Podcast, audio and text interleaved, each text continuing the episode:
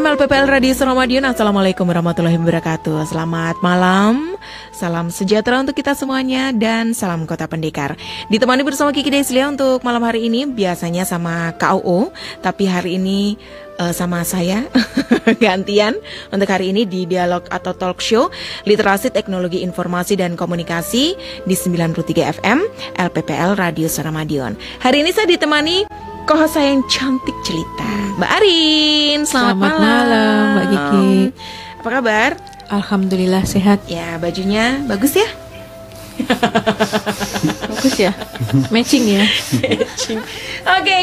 dan luar biasa sekali untuk malam uh, malam hari ini, sahabat Ramadan. Nanti kita akan uh, mengambil materi perpustakaan di era digital, menjaga semangat literasi di tengah arus teknologi informasi gitu ya, Mbak Rin ya? Iya betul. Oke, okay. kita nggak berdua, uh -uh. kita eh, ada narasumber yang cukup luar Iya, biasa. kayaknya seumuran ya. Iya. Seumuran Seumuran. kita. Saya di bawah sih, saya di Kak, bawahnya Kak, ya. Manggilnya jangan anu ya, Kak aja. Kak ya. aja. Kak Eh. Soalnya Dek seumuran. Dek juga boleh katanya. Yang pertama ada Kak Sinta. Selamat malam Kak Sinta. Selamat malam. Apa kabarnya? Luar biasa ini. Mudah-mudahan selalu sehat ya. Amin, Habis amin. jatuh katanya tadi. Iya. Tapi alhamdulillah mudah-mudahan selalu Masih sehat. bisa hadir ya, Mas? Masih ya? masih bisa hadir. Mempunyai semangat Tetap untuk semangat. Tetap semangat. kalau kalau berbicara masalah eh, Literasi. literasi, Mbak Sinta. Nyarinya Mbak Sinta gitu. Selaku pustakawan atau praktisi Mbak Sinta itu sahabat Ramadian ya. Dan yang kedua adalah Kak Rifan. Selamat malam Kak Rifan. Selamat Kak malam. Rifan ini juga pustakawan ya. Ya betul. Kak Rifan itu juga pustakawan sahabat Ramadian dan juga dan juga ketua Madiun Raya Ya. Slims Community. Community Ya. uh, atau MRSC. MRSC Ya. gitu. Dan hari ini sekali lagi kita akan mengambil tema perpustakaan di era digital menjaga semangat literasi di tengah arus teknologi informasi. Boleh sahabat Ramadion bergabung di 461817 di fanpage kita juga atau di 081556451817 ya. Mbak eh, saya ke Mbak Sinta dulu. Mbak Sinta, Iya. eh, Mbak Sinta ini selaku pustakawan dan praktisi melihat tahun 2020 sekarang ini seperti apa sih perkembangannya? Iya, kalau melihat perkembangan teknologi informasi dan komunikasi itu sudah merupakan ke sebuah keniscayaan ya yang harus diikuti mau tidak mau. Begitu juga dengan gerakan literasi gitu. Jadi eh, perkembangan teknologi informasi dan komunikasi ini bukan merupakan sebuah eh, kendala atau saingan gitu, tapi itu malah justru tantangan dan peluang dalam gerakan literasi ini. Kalau dulu orang mengenal kalau membaca itu kan buku tercetak, Benar, gitu. iya. Dan ketika membaca buku itu kan eh, satu kalau nggak beli, Iya. ya berarti harus ke, pergi ke perpustakaan, Iya, atau ke toko buku. ke toko buku. Diusir kadang ya. Iya, dan malah ada tulisan biasanya. pengalaman pengalaman pribadi ya, Kak. iya kita semua iya biasanya kan gitu padahal di situ kita ngadem sambil ngadem toh Baca dikit-dikit. iya akhirnya sekarang buku itu di, di, di plastik di packing plastik biar nggak bisa dibaca Iya, benar. iya nah di era teknologi informasi ini kan semuanya kita kan serba praktis maunya Betul. jadi bagaimana juga eh, perpustakaan ini berada dalam genggaman kita gitu. Yang setiap saat ketika kita mau baca, kita butuh bisa. bisa, gitu. Dan begitu juga dengan eh, gerakan literasi khususnya perpustakaan itu juga mulai eh, mengambil peran di situ. Jadi kita juga mengenal misalnya perpustakaan digital. Perpustakaan digital di mana kita sama persis dengan perpustakaan yang eh, konvensional, di mana kita pergi di situ pinjam buku, memilih buku, dibawa pulang, sama aja. Kita tinggal eh, masuk ke perpustakaan digital itu, bukunya tersedia di situ, bacanya persis dengan buku tercetak itu. Jadi kapan pun kita bisa Bisa membaca. membaca gitu. Kedua juga eh, penggunaan media sosial gitu.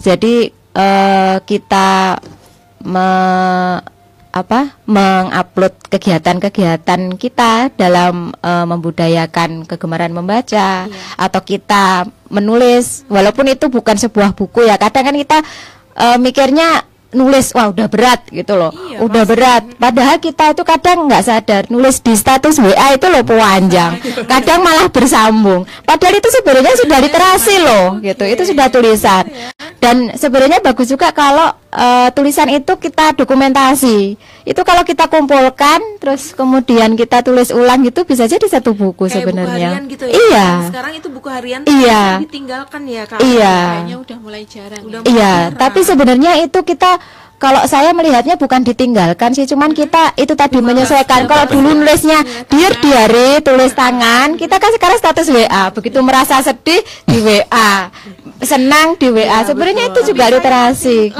gitu. Kak, saya masih punya agenda. Nah Oh, itu, gitu ya. iya. Punya. Digembok nggak itu? Iya pakai kunci pernah ngintip ya Mas ya. Kan berarti punya ya. Digembok bisa kuncinya ditaruh di bawah di buku gitu mana ya. ya kadang Biar disimpan di rahasia mana rahasia sekarang di share malah Bukaan informasi. Bukan informasi. Jadi gitu ya, Iya. eh, Kak Sinta ya. Terus eh, saya se- sebelum ke Kak Sinta lagi, saya ke Kak Rifan. Kak Rifan, sebenarnya eh, buku itu seberapa penting sih buat Kak Rifan sendiri?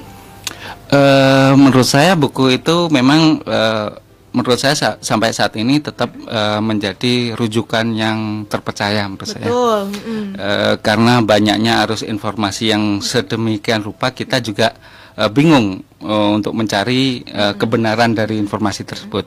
Menurut saya eh, buku itu masih tetap eh, bisa jadi apa ya ped- pedoman atau rujukan yang terpercaya karena di situ itu eh, ada sistem bagaimana penerbitan buku terus kepengarangan dan lain-lain itu masih menurut saya masih terjamin Masih seperti merupakan itu. sumber yang Masih sumber yang Iya, terpercaya informatif, yang informatis.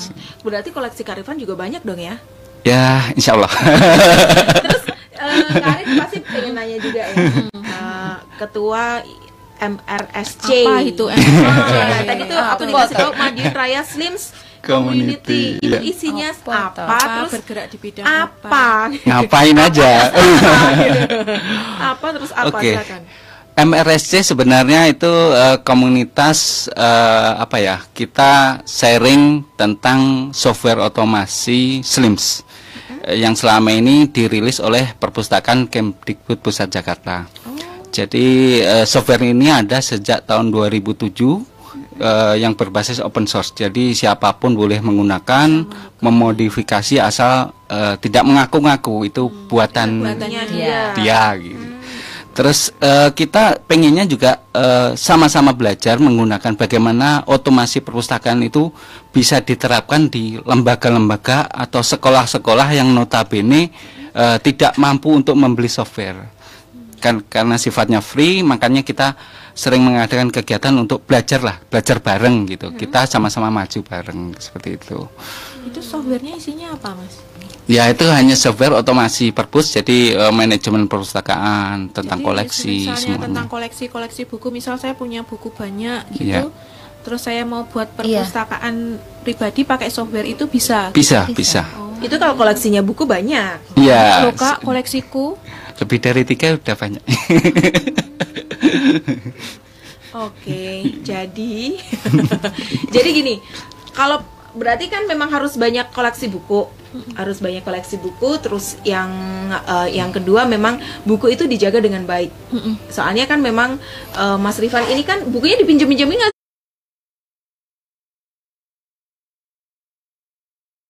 sih Mas?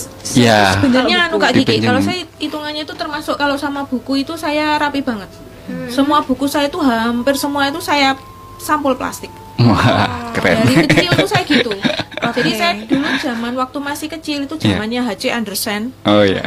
Itu semuanya saya punya sebenarnya. Wah, lengkap. Jadi itu dan dari kecil tuh memang sama ibu saya tuh apa eh, diajarin kalau punya buku itu disampul. Disampul. Disampul plastik. Jadi sampai sekarang pun setiap kali punya buku saya nggak ada buku saya yang nggak sampulan. Iya, Pasti iya. selalu sampulan. Iya, Karena sih iya, ya iya. kedinginan nanti. Oke, saya balik ke Mbak Sinta. Mbak Sinta, saya Iya. tertarik eh, ke Mbak Sinta soalnya Mbak Sinta tuh ternyata pekerjaannya juga eh, sama gitu loh, pustakawan juga. Iya. Mbak, seberapa sih besarnya peran pustakawan ini di di di era, Di era sekarang? sekarang ini. Sekarang kan soalnya banyak itu tadi loh Mas Rifan ya Iya. digital. Iya. Semuanya digital. Iya. Nah, itu. Jadi eh pustakawan itu kan sebenarnya sebuah profesi di mana dia itu tugasnya mengelola informasi, sebenarnya bukan hanya buku. Mengelola informasi bagaimana informasi ini bisa ditemukan kembali dengan mudah. Misalnya Mbak Ari tadi kan bukunya banyak ya.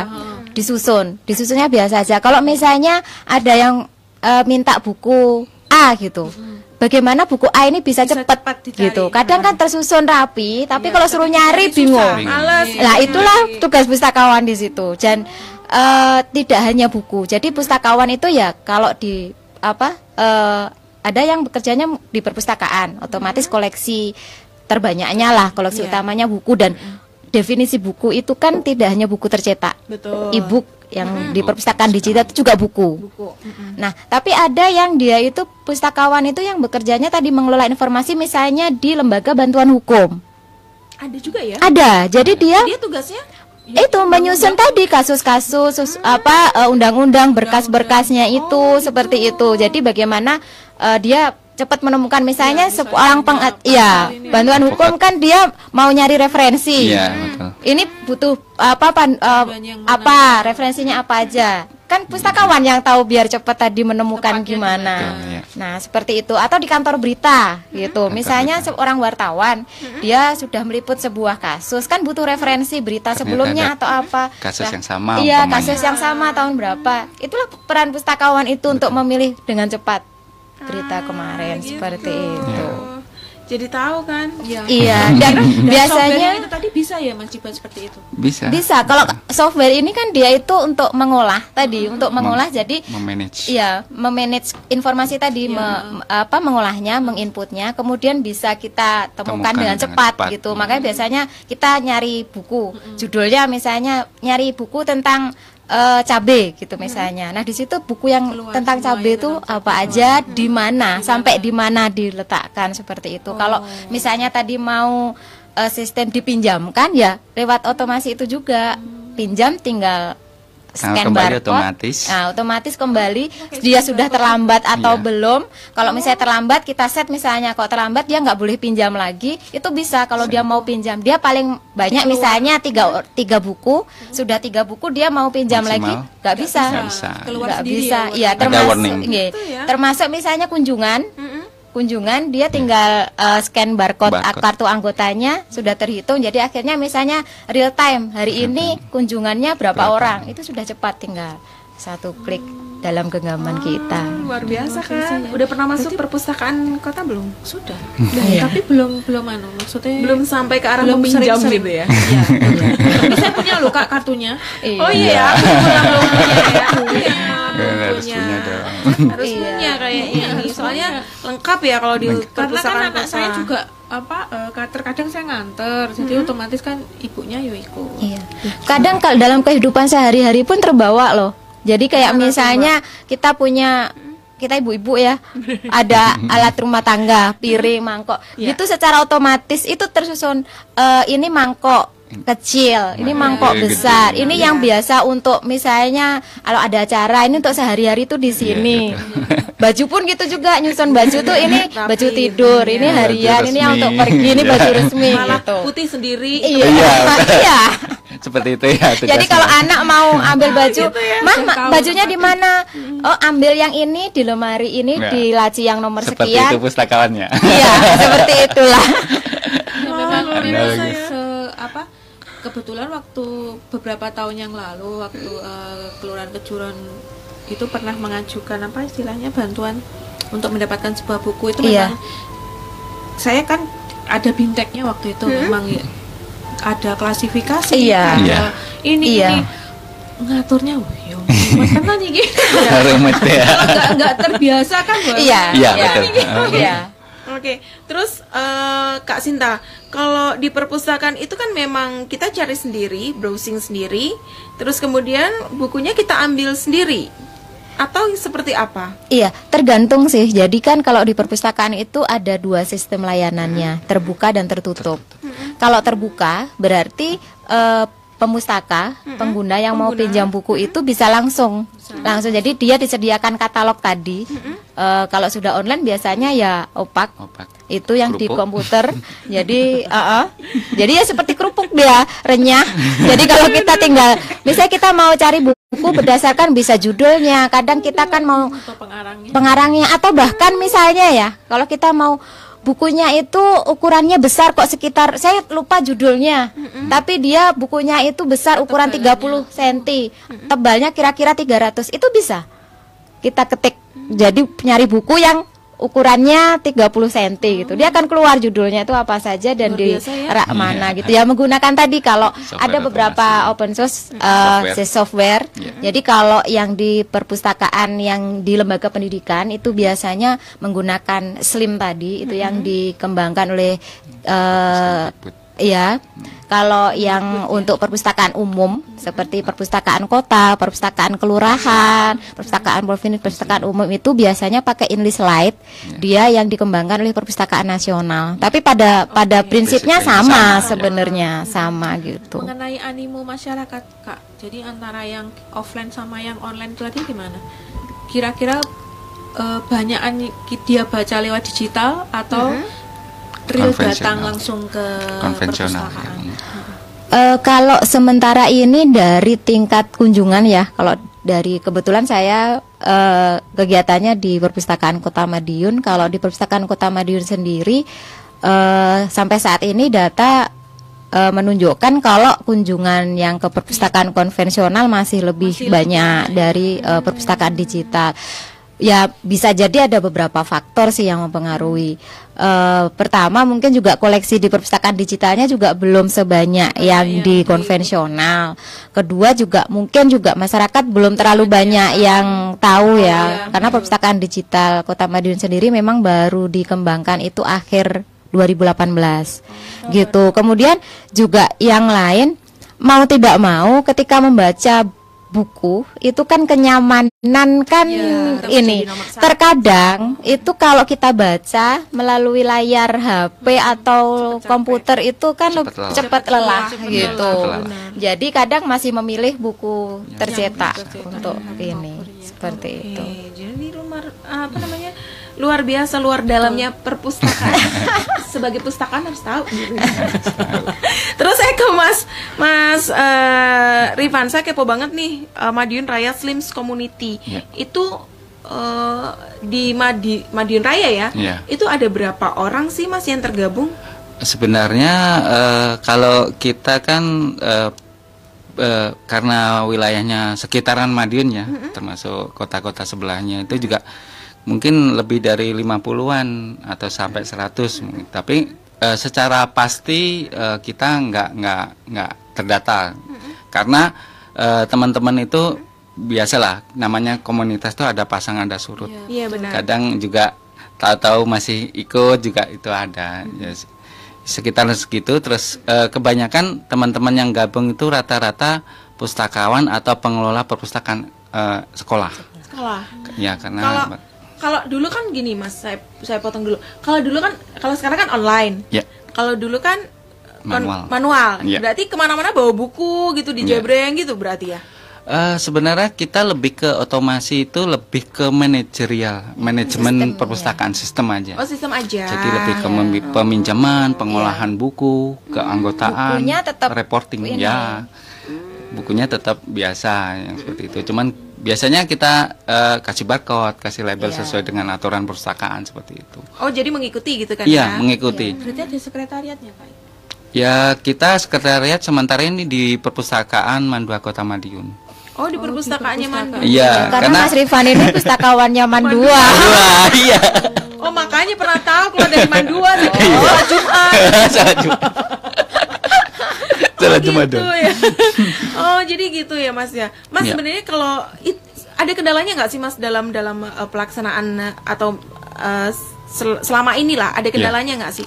Sebenarnya kalau kendala itu eh, kebanyakan teman-teman yang ada yang bergabung di komunitas kita tuh kebanyakan memang bukan background orang perpus ya. Jadi Nah. ilmu tentang perpus itu ya baku ya masih Iya, jadi gimana, gimana? Masih masih kurang. Jadi kita biasanya kalau kebetulan kami berdua itu memang lulusan ilmu perpustakaan. Iya. Aduh ilmu perpustakaannya belajarnya ya. Iya. Dan Oke, oke, oke. keilmuannya itu ada. Jadi bagaimana mengelola e-buku ini termasuk klasifikasi yang Mbak Sinta tadi utarakan. Bagaimana klasifikasi yang benar agar pengolahan buku juga benar. Terus eh, background eh, teman-teman itu maaf eh, masih gaptek lah di IT. Jadi masih kita harus sabar. ini ini klik kanan atau klik kiri semuanya. Seperti kita, kita harus jelaskan gitu. Kita masih juga bi- harus sabar memang memang. terus itu Seperti- ada pertemuan rutin atau karena kita wilayahnya eh, nggak mesti di Madiun, kadang itu kita ya ngobrolnya di Facebook atau di grup WA. Berarti lebih itu. rame di Iya. kan Media pemanfaatan teknologi tadi harus memangkas Iya, betul, betul, keterbatasan betul. itu. Anu, apa, Iya. eh, tidak terbatas kemungkinan siapa pun boleh ikut Boleh, iya, atas itu iya, ya. boleh, boleh, silakan. Jadi kita memang bareng-bareng lah kita belajar. Iya, Mau benar. tanya kita ah, itu Siapa jawab. tahu bisa. bisa Siapa tahu lebih silakan. pinter ya. biar nggak gaptek lagi Iya, iya. perpustakaan maksudnya Iya. Artinya kan perannya eh, Kak Sinta sama Kak Rifan ini kan memang untuk apa ya?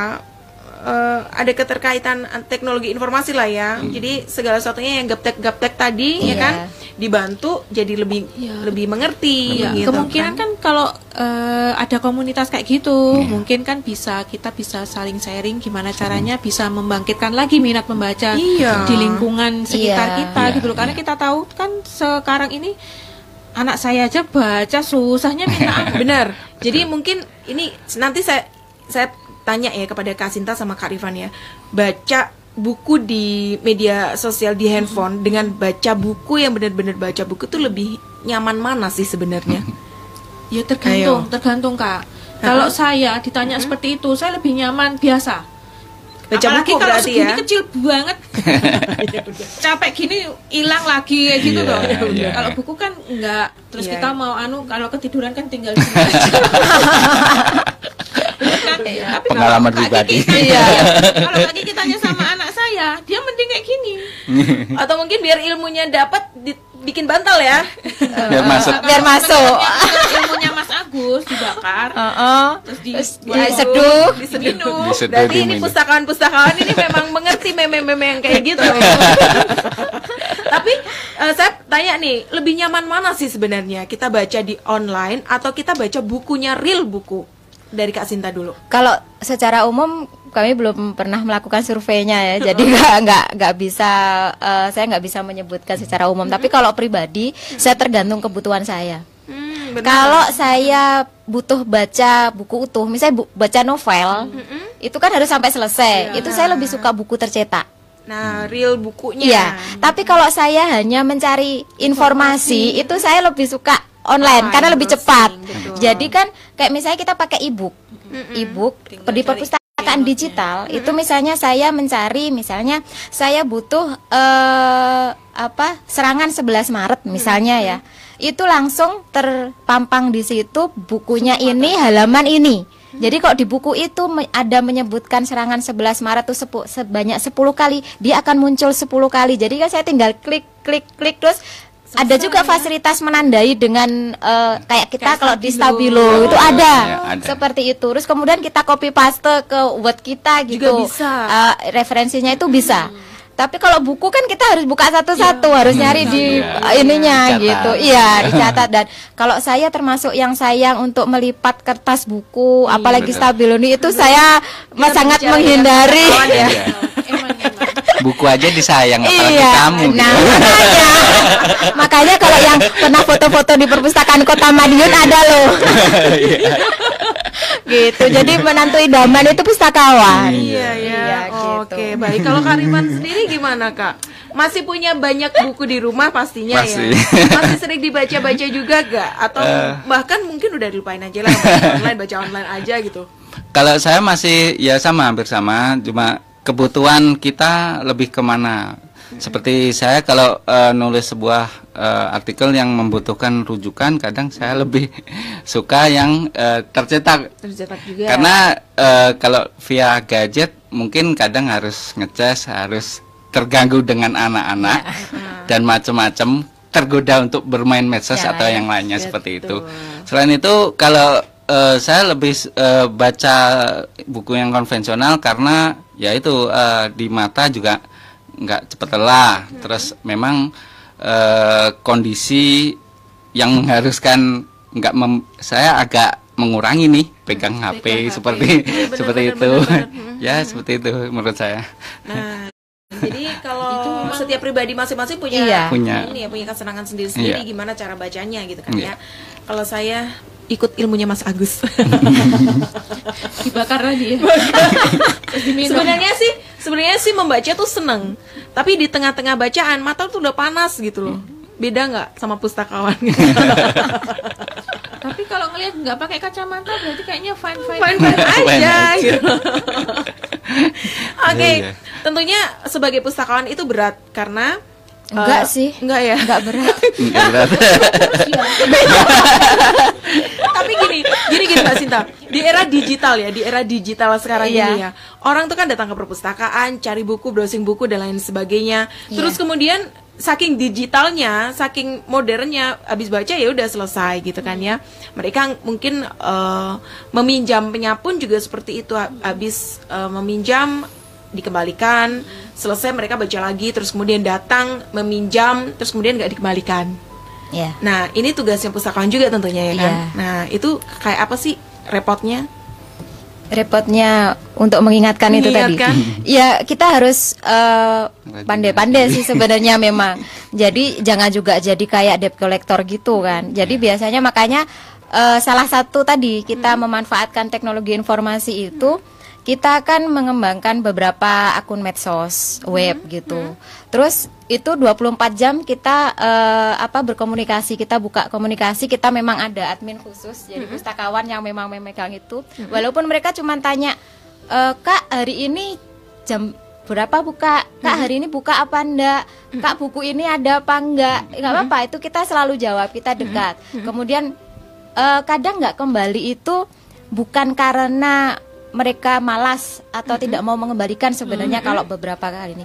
Jadi mereka belum paham kalau terlambat itu tidak apa-apa gitu loh. Oh. Iya. Kadang Tapi kan takut, harus- tapi kan harus Takut dikembalikan. mengembalikan. takut takut mengembalikan nanti takut didenda atau Iya. apa. Nah, biasanya selama ini kami gitu biasanya Kak saya sudah telat, nggak apa-apa datang saja. Nah biasanya kami nggak nggak mengarahkannya misalnya eh, kalau pinjam tuh harusnya kembalikan nggak, tapi kami eh, menggunakan bahasa lain sebenarnya tujuannya sama aja sih. kami bilang gini kalau nggak di pinjem. Enggak.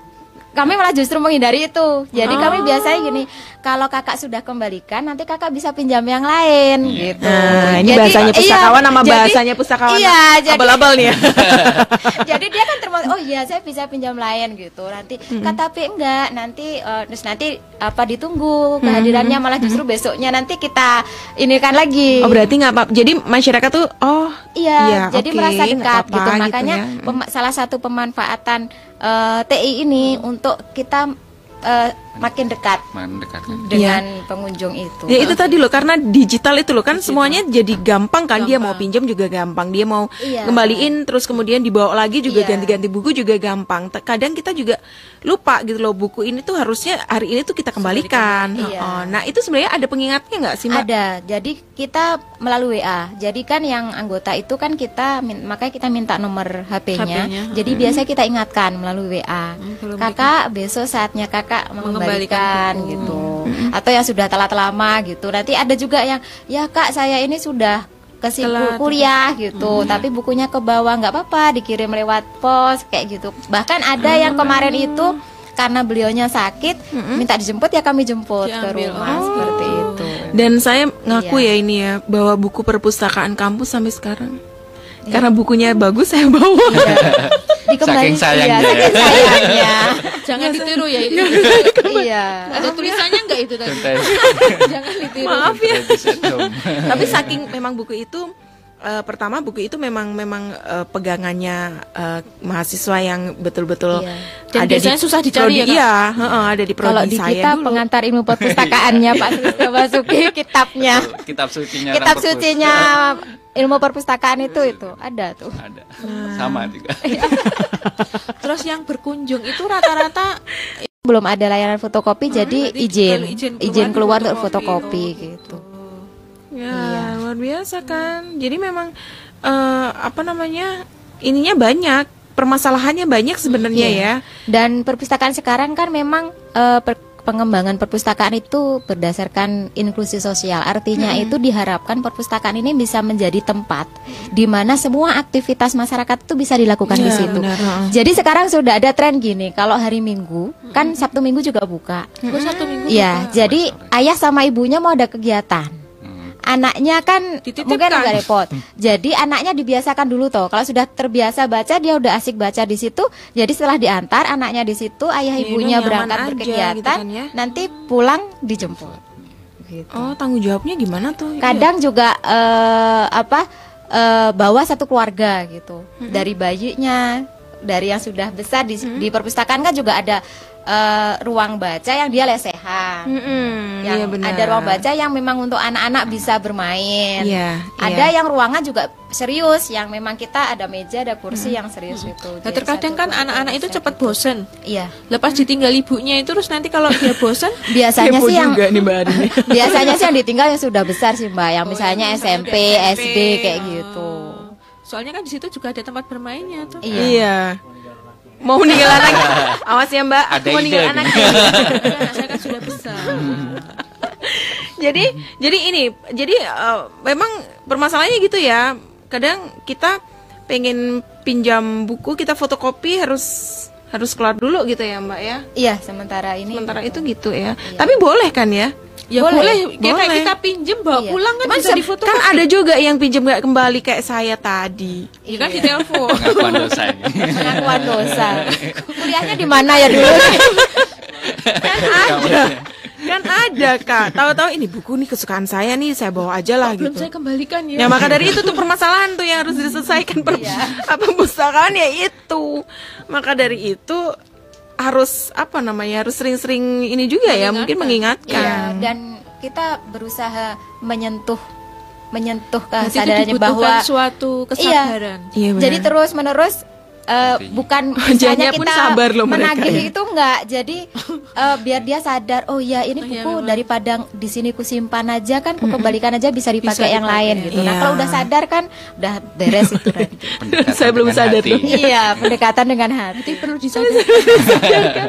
Oke, saya nanti nanya lagi deh ke Mbak apa ke Kak eh, Sinta. Eh, terus saya tanyanya ke Karifan. Karifan ini karena di sekolahan kan ya? Iya. Di sekolahan. Kalau di sekolahan eh, penataannya pastinya sama. Iya. Dan eh, kalau kapasitas pastinya lebih banyak perpustakaan umum ya kan kota. Nah kalau di sekolah itu sendiri seperti apa mas? Penerapannya sama di di dalam era digital ini loh Iya. sama atau ada yang berbeda kalau di perpustakaan sekolah? Ya mungkin kalau di sekolah agak berbeda sedikit karena segmen kita anak sekolah. Anak sekolah, benar. Ya, jadi sebenarnya kalau di kasus di Mandua itu anak-anak lebih suka bacaan yang ringan atau bacaan yang di luar pelajaran. Karena memang anak-anak itu sudah jenuh dengan Pelajaran. pelajaran. Jadi koleksi novel itu pasti yang paling laku, yang paling Iya. cepat rusak. Seperti itu. Karena saking larisnya gitu iya. kan ya. Oh. Apalagi novel-novel bestseller biasanya kita beli juga karena juga Oh. menampung aspirasi teman-teman apa pustaka yang dari siswa tersebut. Selain itu eh, biasanya kelemahan kita itu jam buka walaupun dari pagi sampai sore. Kadang anak-anak itu bisanya waktu istirahat. Hanya Oh, 15 iya. menit dan kita harus Iya. bersaing dengan kantin rupanya. Kalah saing kita. Benar-benar. Tapi kalau begitu. kalau kalau di Man kan ada yang mondok nggak sih? Ada, ada, asrama juga. Mereka memanfaat nggak buka ma- malam nggak buka ya? Enggak. Sore bukan. soalnya ya. Sore ya, sore. kita sesuai dengan jam kantor. Dulu pernah emang sampai sore, tapi eh, ya itu anak-anak ternyata habis sekolah itu masih ada yang olahraga, ada yang main atau eh, kegiatan di asrama seperti itu. Jadi ya udah kita kembalikan ke jam seperti biasa gitu aja. Oke, nah Mas, kalau di sekolahan itu ya eh, kan ada tuh literasi digi literasi apa yang kayak di Gerakan SDN literasi sekolah. gerakan literasi sekolah. Nah itu kan biasanya eh, siswa dibiasakan untuk membaca buku dan nanti meringkas apa yang dia baca. Itu berlaku juga nggak sih Mas? Eh, sebenarnya kalau kita itu masih taraf eh, pembiasaan aja dulu. Oh pembiasaan dulu ya. Iya, Saya jadi- kira mereka ambil buku dari perpus, ringkas kayak. Pelajaran bahasa. Indonesia itu. Tapi kalau di sekolah-sekolah di eh, teman-teman di SD SMP udah banyak seperti itu sih. Kalau ceritanya teman-teman itu ya pembiasaan eh, eh, satu kelas diambilkan buku berapa terus tiap hari apa eh, menulis literat- seperti itu ada hasil bacaannya dulu. Seperti itu. Tapi kalau di Man ini masih karena eh, kegiatannya banyak sekali karena Iya. kita ada pelajaran agama, ada umum, Iya. terus Iya. ada Iya. hafalan juga sebelum Betul. pelajaran. Jadi ya agak mepet. Ya itu tadi 15 menit bersaing dengan kantin itu tadi. Iya, termasuk itu salah satunya. Kalah Oke deh, pamor sabar kita kan. gitu ya. Udah sekolahnya Mungkin susah gitu kan. bisa kan. diarahkan ke komunitas itu tadi Iya, masuk ke komunitas gimana tuh, Mas? ke- Eh, eh, komunitas kita sebenarnya lebih ke pengelola perpus atau Pengelolaannya. Sistem Hmm, kalau kalau ke pemustaka ya. atau ke siswa itu lebih ke beda lagi. Beda lagi. Hmm, ke Oh. pengelolaan perpustakaannya lah. Gitu. Mm. Oke, Kak Arin, nanti kita tanya-tanya lagi kakak-kakak eh, berdua ini karena memang sudah menguasai betul ya. apa itu pustaka Apa itu perpustakaan apalagi di era digital memang harus semangat gitu loh ya. Iya. Nggak ada kata males baca soalnya lewat handphone, Handphone. kita udah bisa Bisa baca baca. di mana pun tempatnya, di mana pun kita berada. Oke, nanti kita balik lagi Sobat Ramadan masih dengan dua narasumber yang luar biasa. masih di literasi teknologi informasi dan komunikasi 93 FM LPPL Radio Suramadion. Tidak perlu takut secara berlebihan dengan yang namanya virus corona. Karena virus corona dari data yang saya terima, 94% lebih penderitanya dapat disembuhkan. Untuk itu kita perlu melakukan hal-hal seperti ini. Pertama, jangan lupa untuk mencuci tangan dengan air yang mengalir dan sabun.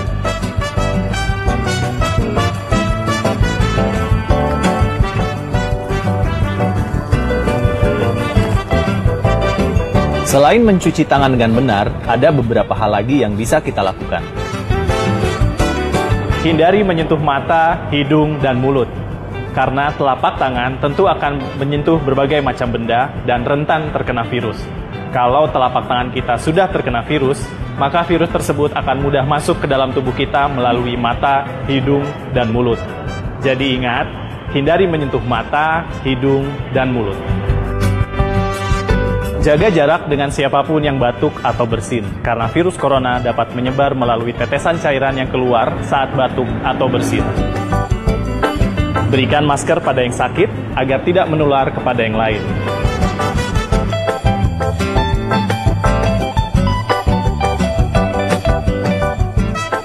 cukup sederhana dan mudah dilaksanakan. Jadi sebetulnya musuh terbesar kita saat ini adalah bukan virus itu sendiri, tapi rasa cemas, rasa panik, rasa ketakutan, dan berita-berita hoax serta rumor. Kita sebenarnya harus yakin dengan fakta, informasi, solidaritas bersama, dan gotong royong.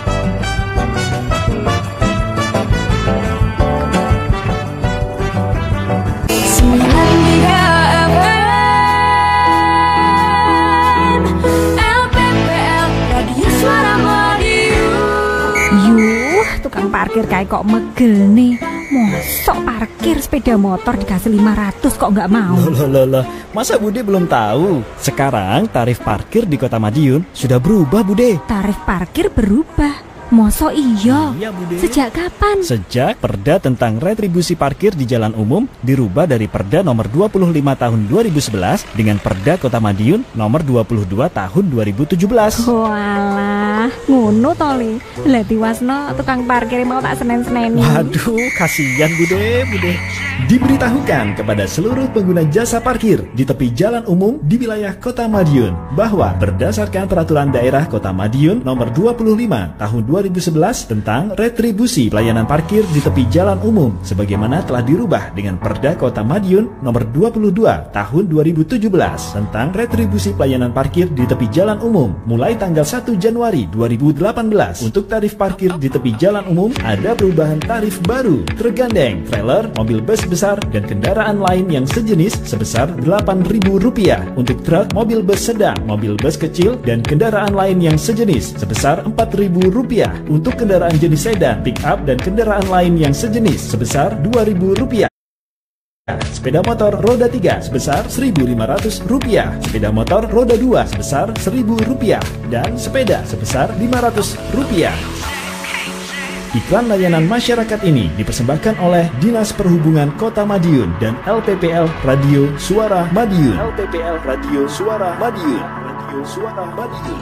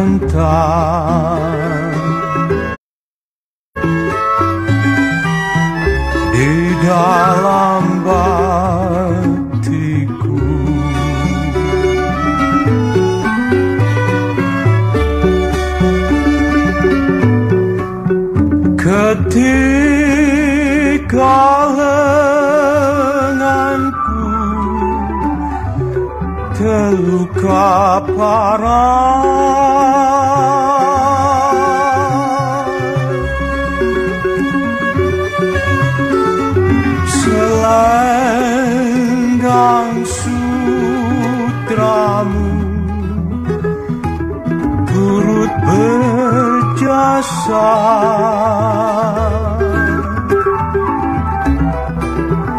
Selendang sutra.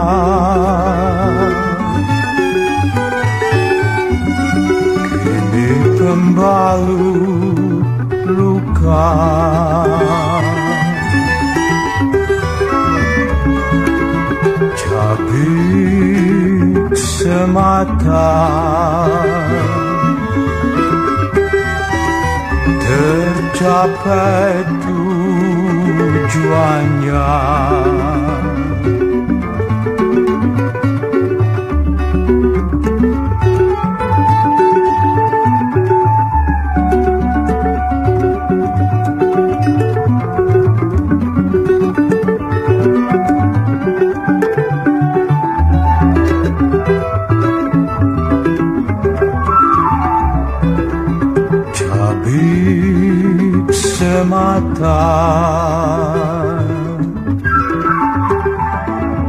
Tercapai tujuannya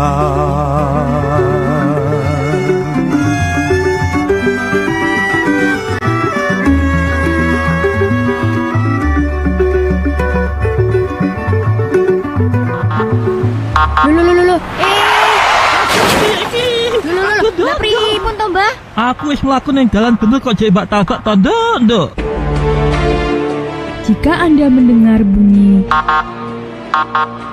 dan lampu kuning berkedip, ini merupakan rambu lalu lintas yang bernama Pelikan Crossing. Berdasarkan peraturan Undang-Undang Lalu Lintas Nomor 22 Tahun 2009 bahwa fasilitas penyeberangan pejalan kaki seperti zebra cross, pelikan crossing, jembatan penyeberangan orang, dan terowongan penyeberangan orang berfungsi untuk pejalan kaki yang akan menyeberang. Rambu pelikan crossing ini dapat ditemui di Jalan Pahlawan dan Jalan Panglima Sudirman, Kota Madiun. Mari ciptakan toleransi sesama pengguna jalan, patuhi rambu lalu lintas agar terciptanya kenyamanan dan ketentraman dalam berkendara, serta demi terwujudnya Kota Madiun yang nyaman dan damai. Iklan layanan masyarakat ini dipersembahkan oleh LPPR Radio Suara Madiun. Halo, halo warga kota Madiun. Diberitahukan bahwa Car Free Day berubah nama menjadi Sunday Market yang berlokasi di Taman Lalu Lintas Bantaran Kali Madiun. Mbak, mbak, mulai kapan ya? Sekto se. 4 Agustus, Bapak Wali Kota Madiun meresmikan Sunday Market tersebut dengan tempat strategis, luas, tertata rapi, bersih, dan tertib. Datang dan ramaikan Sunday Market Kota Madiun setiap minggu pagi. Sampai ketemu di sana ya.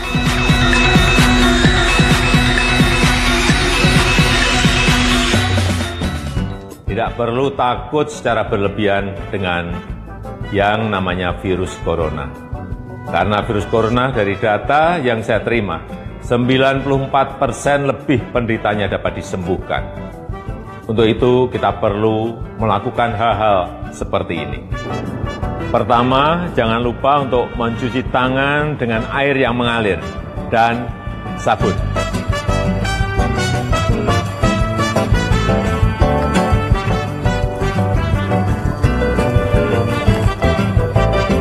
Selain mencuci tangan dengan benar, ada beberapa hal lagi yang bisa kita lakukan.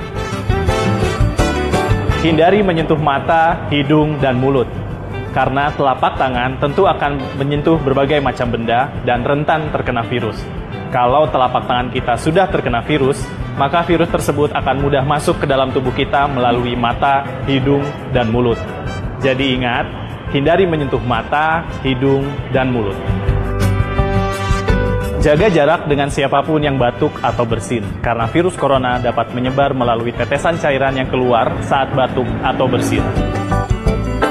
Berikan masker pada yang sakit agar tidak menular kepada yang lain.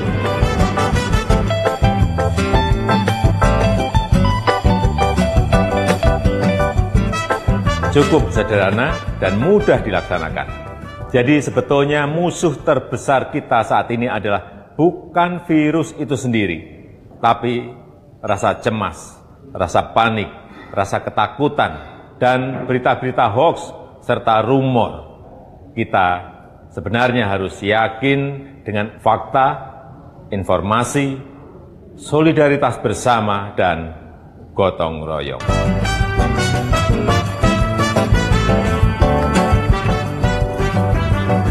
LPPL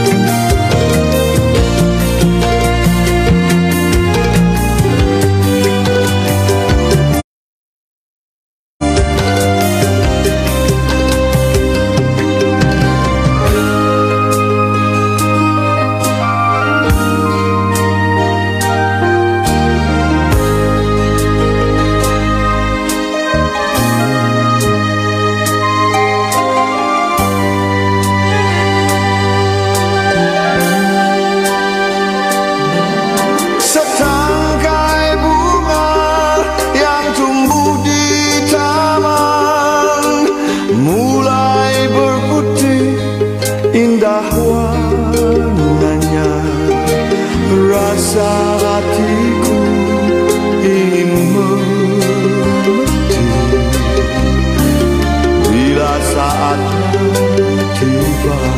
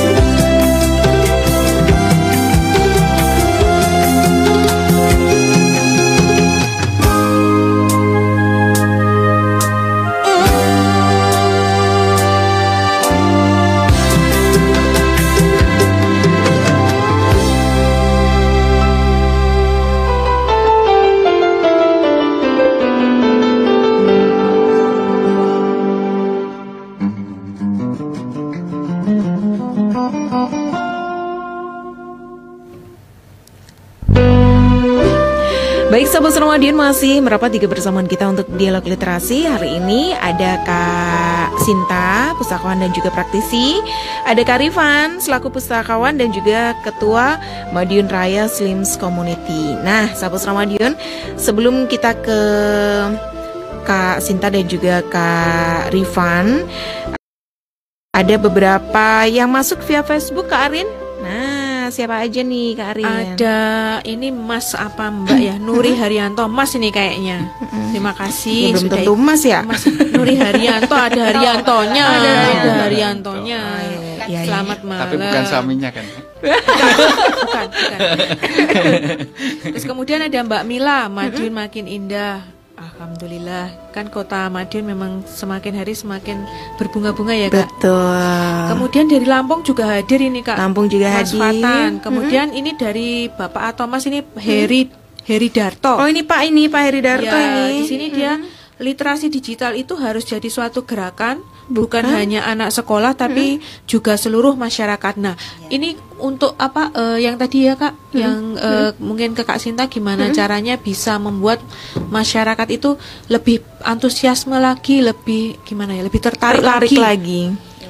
Mungkin ada inovasi-inovasi baru atau inovasi-inovasi dari eh, dari perpustakaan itu sendiri, Hmm, kemudian dari pemerintah Kota Madiun juga kan pastinya tidak tidak tinggal diam ya, otomatis em, pasti sudah memberikan support yang banyak juga ke apa eh, ke program-program. Kemudian ini dari nanti dijawab nanti aja Mbak. Kemudian dari Kim Bakti Pertiwi, teman kita ini Kak. dari Nambangan Kidul juga Kidul. hadir, Mhm. kemudian dari Mas Danu Wong Solo Yayasan CPZ juga menyimak. Dan ini dari bos kita forum, ketua forum Kim Bang Sigro Pamungkas. Bang apa Mas ini? Kakak aja. Kakak aja. Kakak, kakak. Sigro Pak. Ade. Winongo hadir. Hadir. Opa. Opa. Opak. Jadi mungkin bisa Nggak terima, di, eh, nggak terima. bisa di ini ke Kak Sinta, ke Mas Rifan mengenai apa eh, literasi digital itu sendiri gimana eh, Menumbuhkan memang, ya. eh, eh, menumbuhkan Ketertarikan. memang digital ini kan ya itu tadi Kak ada sisi baik ada sisi buruknya. Iya, sisi di mana pun buruknya kita kemungkinan ada, nanti kan mana ya bisa. itu tadi kalau Uh-uh. kalau memang nantinya dia jadi seneng baca terus kan Ya, itu memang- alhamdulillah ya. Eh, eh, alhamdulillah alhamdulillah kak tapi efek ke tubuh juga Nggak ada ada bagus. efeknya gitu loh tapi eh, tetap juga ada batasan-batasannya untuk yang masalah itu nah itu untuk mengatasinya seperti apa terus kemudian untuk apa eh, meningkatkan minat baca itu eh, selama ini yang sudah dijalankan oleh perpustakaan kota support dari pemkot itu seperti apa Iya. Eh, terima kasih tadi Pak Heri Darto ini semangatnya luar biasa untuk gerakan literasi di Madiun. Beliau juga menulis loh kak. Iya, beliau itu penulis dan sangat cinta anak-anak. Kemudian ya salah satu eh, sosok yang semangatnya saya tiru karena di usianya beliau itu beliau terus selalu eh, tidak eh, tidak kenal lah Iya, tidak pernah lelah untuk, Untuk gerakan menulis. literasi ini Iya. khususnya di Kota Madiun. Eh ya, tadi kalau bagaimana menumbuhkan minat baca dan memanfaatkan teknologi informasi ini untuk eh, apa mendukung gerakan literasi ini sebenarnya eh, meningkatkan atau membudayakan gemar membaca itu memang sebenarnya paling awal itu tetap di keluarga. di keluarga dulu kembali Iya. ke keluarga lagi Dan Kak. kalau ngomong keluarga itu di situ kan bukan cuma anak-anak ya. Iya. Ada ayah dan ibunya Ibu, pasti. iya. Karena terkadang lupa. Eh, kita orang tua nih bilang kamu jangan main HP aja, tapi itu loh sambil Orang tuanya sambil WA Pegang HP, ya. pegang HP tanpa sadar. Gitu. Jadi Iya ya sih, keluarga mungkin ya memang harus ada apa eh, Keseimbangan ya, Iya, ada waktu khusus gitu untuk itu. Jadi No misalnya iya Waktu-waktu eh, tertentu. dan dan eh, menumbuhkan minat baca itu kan itu harus menumbuhkan sebuah kebiasaan. iya betul Itu kan harus eh, apa pembiasaan itu kan memang butuh waktu yang tidak sebentar, kemudian yang paling penting konsistensi. Iya, betul. Gitu kan. Jadi ya eh, misalnya eh, di keluarga kita misalnya kalau ngajarin membaca eh, BABA atau ini ba, ini ca, ini ABC itu biasanya anak merasa kita tuh sedang belajar gitu. Yang penting kan eh, kita menyampaikan ke anak bahwa membaca itu sebuah aktivitas yang asyik, yang menyenangkan. Dan ketika kita menumbuhkan itu ya kita sebagai orang tua itu ya harus menunjukkan bahwa kita senang, Senang. gitu. Jadi senang. Jadi kita misalnya membacakan cerita ke anak-anak dengan membawa bukunya. Jadi biasakan membawa bukunya gitu. Kalau misalnya tidak punya buku cetaknya ya nggak apa-apa. Memanfaatkan digital. HP kan sekarang juga ada e-book yang buku cerita gitu. Kita tunjukkan di situ atau kita eh, nonton bareng, nonton bareng film anak-anak gitu. Iya. Nah, setelah itu coba setelah ditutup kita ajak ngobrol dia. Tadi filmnya apa atau kita pura-pura nanya nggak paham lah. Eh tadi kok jahat sekali ya itu. Iya, mah biasanya kan anak-anak suka seperti itu. Iya. Seperti Cerita. itu. Kalaupun misalnya udah agak besar ya enggak apa-apa. Kita ajak nonton bareng. Misalnya kita macak bodoni gitu. Mas, mas, mbak, mbak, mama ki kok gak ngerti toh film ini Iya. apa toh? gitu. Padahal ibunya memang Nggak ngerti. itu, Pak. Iya, atau nggak masalah misalnya kita minta ajarin anak Iya. gimana menggunakan ini, menggunakan itu kan itu secara kedekatan emosional juga Akhirnya kan kayak Iya. Oh, mama ini kayak gitu ya, gak Iya, iso. kan anak jadi bangga toh ngajarin Iya. kita gitu. Ya, Nah, itu kan untuk anak ya. Iya. Masyarakat nih, Mbak. Masyarakat. Ya itu tadi Mbak eh, Sin- Kak Sinta awal cerita ada loh bapak-bapak yang sering ke sana membaca bahkan Membaca. memfotokopi file-file Iya. atau berita-berita yang Yang eh, sekiranya menarik, penting, heeh. Nah, masyarakat sendiri eh, dalam pikiran saya eh, kalau menumbuhkan minat baca masyarakat ya memang dari diri kita sendiri cinta dulu gitu Iya. sama baca atau membaca tuh harus harus cinta dulu. Iya. Nah, kalau menumbuhkan baca dari orang yang sama Dewasa. sekali Heeh, yang Kalau untuk gitu. dewasa biasanya gini, kalau kita sudah dewasa itu biasanya kan sudah perhitungan matematika ya. Betul. Ada gunanya nggak sih Hmm, buat saya apa, gitu. gitu. Jadi harus didekatkan dengan mereka. Jadi eh, misalnya kayak di Kota Madiun sendiri itu di seluruh kelurahan dan kecamatan itu sudah ada perpustakaannya. Betul. Iya, Dan bukunya biasanya itu lebih ke praktek gitu. Mm-mm. Jadi kalau misalnya pendekatannya ke ibu-ibu gitu. Biasa ibu-ibu tuh apa tuh yang suka? Biasanya kan kerajinan. Bikin Craft kerajinan, gitu ya. bikin kue, fashion Memasak, gitu ya. Kita gitu aja ya. buku itu. Kan misalnya ya Bu praktek eh, resep ini. Kadang atau kita jual dan biasanya harusnya itu tidak selesai di situ. Nanti ada kita kerjasama dengan yang lain misalnya kue itu bagaimana terus dipasarkan. Nah jadi kan ibu ini kan ngerasa oh ada gunanya kok aku ki mau coba buku kayak Iya. gitu ke bapak-bapak gitu juga Itu ibu Misalnya- yang nggak ngerti handphone kali ya. Iya. Kalau udah tahu, aduh buku buat apa ini Iya, aja gitu kan. Tetapi kan juga eh, tidak kita pungkiri bahwa masih ada toh masyarakat yang dia itu gaptek gitu. Bener mbak. Dia bener. nggak bisa kayak bapak saya tuh nggak nggak bisa Android. Diajarin juga alah mulak. Males, Jadi ya, SMS aja juga nggak maunya ya Telepon langsung. telepon gitu. Kalau Iya. suruh ngetik SMS tuh Iya. kesuwen. Iya, gitu, iya. males. Ya, Iya, pernah betul, saya ajarin Facebook Pak kalau bapak saya suka beternak, terus suka burung gitu kan. Saya ikutkan di grup eh, jual burung kayak gitu kan. Ya bertahan berapa lama gitu ya enggak Udah ini kan ad- masih ada tetap masih ada eh, kelompok masyarakat yang Tapi ini ditaruh itu, kan ya? gitu. Iya, jadi Ditaruh. kemudian ada juga eh, yang dia perpustakaan komunitas tuh gitu disinkronkan. Jadi kita kerjasama dengan beberapa pihak lain. Jadi perpustakaan ini kita misalnya menyediakan buku-buku eh, budidaya ikan atau beternak apa-apa. Nah, di situ kita juga sediakan coba. Jadi dari buku ini kita praktekkan gitu loh. Misalnya budidaya lele, kita juga di situ ada bekerja sama dengan lembaga di kelurahan itu atau apa yang apa eh, pelihara lele budidaya lele kayak gitu. Jadi akhirnya kan mereka merasa oh dari baca buku ini aku punya. Maksudnya ada keuntungan yang aku dapat. Karena kalau orang dewasa biasanya gitu apa Mikir untungnya untung enggak aku moco ya oh, aku ki Ya, penting istilahnya aku moco gitu kan ya. urusan liane sih, masih banyak gitu loh ini Iya, baca iya, nggak ada waktu kayak gitu. Iya iya benar. mendingan kalau udah tua saya tak baca kitab suci saya tak ngaji kayak gitu Ya, itu kalau kan udah gitu. itu kalau udah yang dapat yang tidak. dewasa Iya, tua gitu. iya kan gitu toh. Orang baca Al-Qur'an aja aku masih jarang gitu Iya, toh. Nah, jadi harus Suruh baca tadi. buku gitu kan. Nah, dari baca buku tuh keuntungan apa yang saya dapat? Oke, tapi se- se- sebagai pustakawan nih, saya ke Mas Rifan. Sebagai pustakawan, melihat era yang sekarang sekali lagi, masyarakat udah pinter, ya kan? Karena semua siapa sih nggak punya Android gitu loh, Sa- Iya. semuanya. Abang Beca pun punya Android, ya kan? Semuanya bisa baca di mana pun kita, di mana pun tempatnya kita bisa baca. Nah, tapi kalau menumbuhkan eh, minat baca dari teman-teman eh, sekolah sendiri, dari Mas Rifan seperti apa?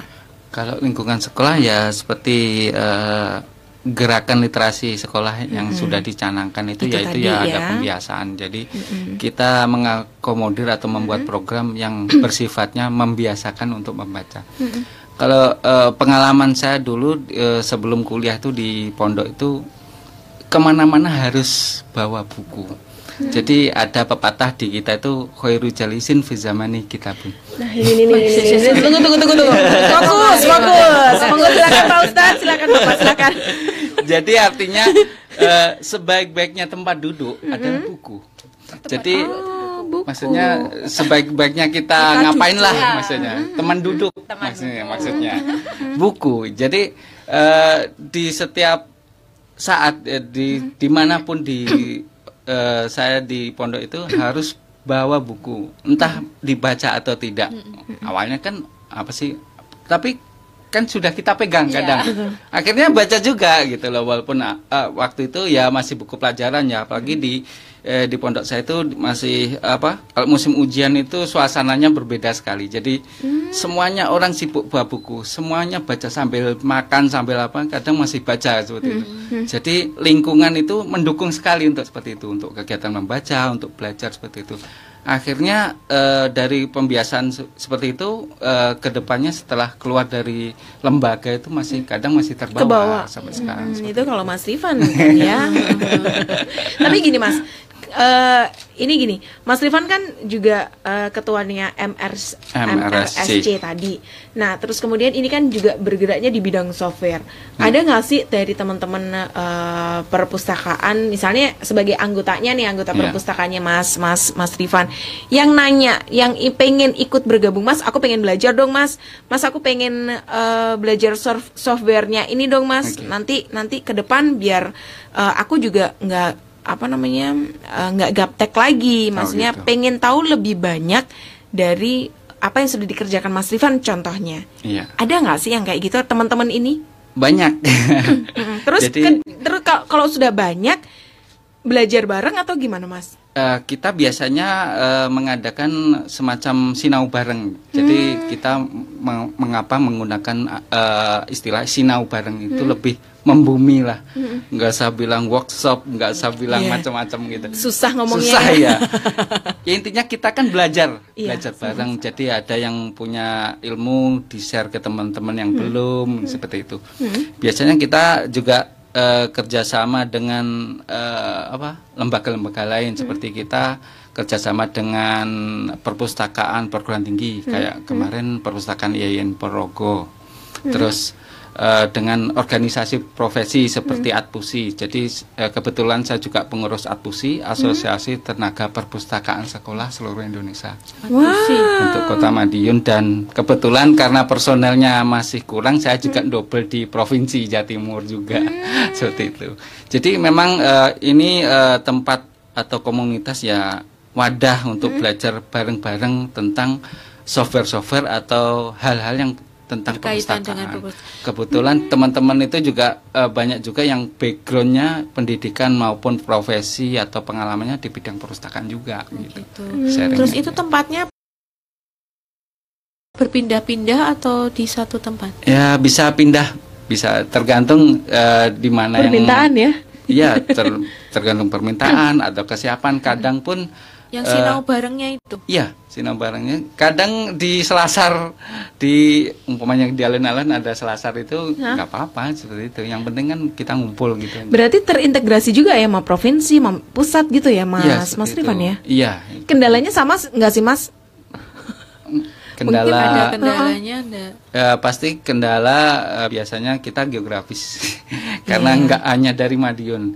Jadi kita itu kadang yang punya trouble biasanya ada trouble di softwarenya, bingung trouble-nya seperti apa, mengungkapkan trouble-nya itu agak susah. Nah, kalau sudah Kita- seperti itu gimana?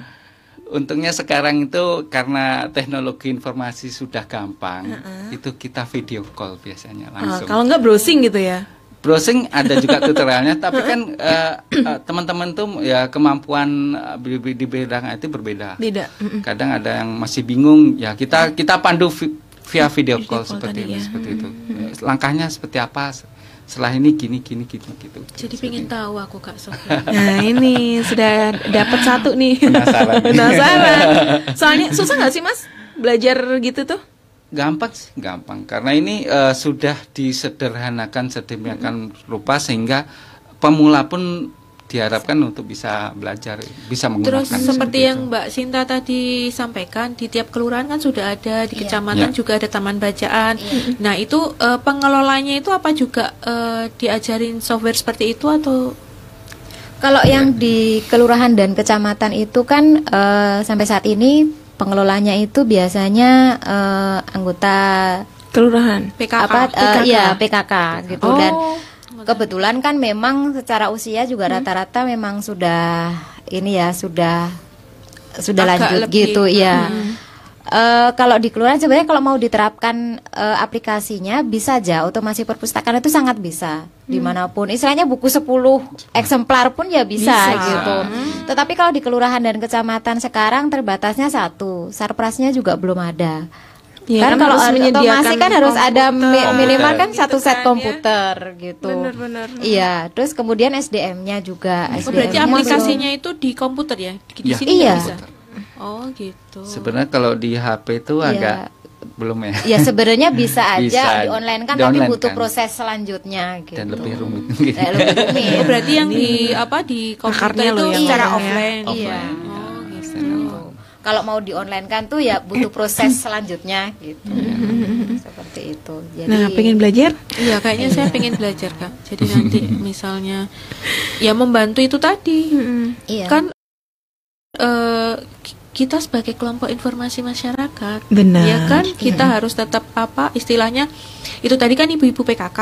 Mm-mm. Kemungkin kita bisa masuk ke situ, kita bisa membantu Iya. untuk gimana caranya eh, kelurahan itu juga mempunyai suatu aplikasi kalau masalah Betul. fisik saya kira di kelurahan juga ada kalau cuma satu bisa dipakai itu mestinya Iya, nah makanya itu ju- justru sinergi yang seperti itu kan yang dibutuhkan. Jadi kan sudah sudah kita sekarang sudah ketemu bahwa di perpustakaan kelurahan kecamatan itu SDM-nya yang Iya. masih belum support untuk Benar. itu. Nah, nanti Kita berarti sebagai- Kim yang masuk ke situ. informasi masyarakat kita bisa masuk Gitu, otomatis kan kita iya. bisa bekerja sama di situ kak Benar. ya kan Nah, kita saling- bisa istilahnya kita juga bisa membantu memberdayakan masyarakat.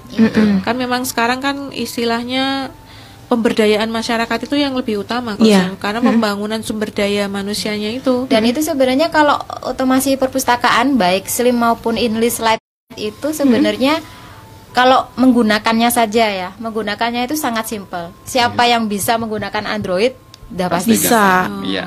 Yang I, Madiun itu ya bukan Bukan, yang English Lite-nya yang Oh, slim. Jadi Slim. itu Oh. kan yang untuk eh, bagaimana kalau kita mau nyari judul buku, Oh, iya. bagaimana kalau orang mau pinjam buku. Kalau Iya. dulu kan pinjam buku dicatat di buku si Sekarang A otomatis. pinjam ini. Kok sekarang kan enggak. Otomatis semua. Otomatis di situ. Terus buku yang belum kembali itu Iya. eh, berapa judulnya apa saja siapa yang pinjam itu Itu di bunyi nggak sih alarmnya? aplikasinya. Iya. Kayaknya belum Coba aja baca, eh, belum kembali gitu. Iya. Iya, Ya, nggak gitu tuh. Jadi berbeda dengan Imadiun. Kalau Imadiun tuh memang perpustakaan. Jadi di dalamnya itu ada bukunya. Ada bukunya. ada buku. Kalau yang otomasi ini tadi kan sistemnya saja. Bukunya Sis- tetap buku tercetak itu. cetak. Betul. Iya, jadi ini sistem otomasinya aja jadi untuk misal misal saja. saya uh, punya buku, buku, iya. terus saya belajar itu tadi Softwarenya. ya, Jadi belajar nanti buku softwarenya itu- kan bukunya saya masukkan Iya. terus nanti itu yang pegang siapa anunya maksudnya yang bisa mengakses ke ini saya Iya. Berarti pemegang sendiri Iya, dong ya? Kalau berarti itu- saya sendiri itu Iya. Ya, maksudnya kalau misalnya mau di ini kan teman nggak apa-apa. Maksudnya Misal dia saya- bukan harus satu akun satu Uh, orang. misal, misal saya Oh. nyoba ya misal perpustakaannya di kelurahan Kejuron Iya. Tak masukkan Iya. gitu lah itu mati se- kan ada ada di PC-nya itu toh Iya. Iya. siapa pun selama dia bisa masuk Iya. bisa menggunakan itu Iya. Hmm, untuk mencari untuk Iya. oh Cuman itu nanti bisa dibatasin gini. Kalau misalnya pengguna kan dia cukup Iya. untuk eh, absen sama nyari judul buku aja. Iya. Ya dia cuman bisa buka itu. Terus Hmm. misalnya kita sebagai eh, pengelola perpustakaannya kan bisa lihat laporan pengguna berapa, Keanggotaan. bukunya, keanggotaan, kayak gitu berarti Hmm. bisa kita atur nanti lebih banyak yang bisa kita buka. oh kayak gitu Sebenarnya kalau kita yang di Slim itu sebenarnya sudah mengakomodir untuk konten digital. Jadi umpa- umpamanya punya ebook yang berbasis Kita masukkan PDF, bisa. kita masukkan. Terus hak akses eh, itu bisa anggota bisa baca di situ Iya. eh, atau kita eh, akses untuk baca atau enggaknya itu bisa, Bisa kita diatur. set. Jadi bisa Jadi, di-download apa tidak eh, juga bisa. misalnya kita mau lihat laporan anu bisa ya? Bisa. Bisa, Laporan ada. siapa orang Langsung yang bisa. berkunjung. Iya, eh, langsung bisa. Jadi kita Buku eh, apa saja Iya. yang Iya. sering dipinjam. Iya, betul. Siapa yang paling aktif di Siapa juga di seperti itu. perpus. Iya. Ya, tadi ada yang mau bergabung. Oh gitu. Tapi. Tapi putus. Oke, ini ada yang nanya Mbak via eh, WA. Nah, ini nih. Eh, selamat malam Mbak Kiki, selamat malam juga dan juga selamat malam eh, Kak Sinta dan juga Kak Rifan. Mau tanya dong buat Mas Rifan bener gak ya kalau untuk sekolah yang pengen belajar manajerial perpus caranya gimana? Dan caranya dapat slims gimana? Apa harus oh ini, apa harus langsing atau slim biar dapat sobat? Terus untuk kakak Sinta nih, gimana sih caranya biar membaca itu asik? Karena saya sukanya baca komik. Sedang kalau novel apa nih? Sedangkan kalau ada novel gambarnya kalau novel. gampang ngantuk. Iya benar. Mata tuh kayak panas gitu ya. Kayaknya dikasih selotip aja kak. Oke, ke Kak Arifan dulu deh. Oke, kalau ada yang mau gabung eh, langsung hubungi saya aja mungkin ya eh, di ada WA, ada akun Facebook maupun Instagram dengan atas nama Rifan Firhan Farzana. Nah, ketik Ya. aja Rifan gitu ya, keluar Ya, semua Rifan, Rifannya nanti. Iya. Jadi Atau kalau mau mencari Mas Rifan ke ke perpustakaan Mandua Kota Madiun. Nah, itu. Jadi software ini gratis. Kalau download langsung langsung di webnya ada di www.slim.web.id atau bisa secara offline ngopi bawa flash disk ke tempat saya juga boleh silakan Oke. gitu Ngopi kak. ngopi ngopi dulu Oh, Mas Rifan ke sana.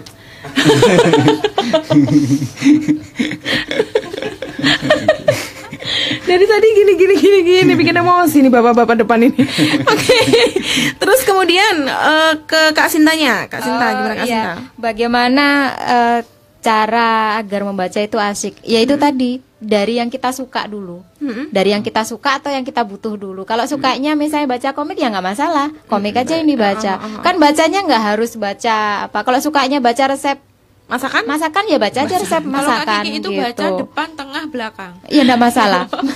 Yang penting benang merahnya dapat kan? Iya. Nah, itu tuh tahu. yang penting Kalau ketika ditanya merah, ditanya Kalau itu tadi apa gitu iya jadi yang kita suka jadi kayak saya tuh juga baca mulai bergeser juga jadi dulu ketika eh, masih sekolah masih kuliah itu sukanya novel justru kalau sekarang itu bosan saya bos novel itu kayaknya panjang sekali dan sering gini Waktu. novel gitu. Maksudnya cerita aslinya itu nggak nggak kayak gitu gitu. Jadi saya ke- makin tua nih kayaknya makin tua. Berarti belum tua makin tua.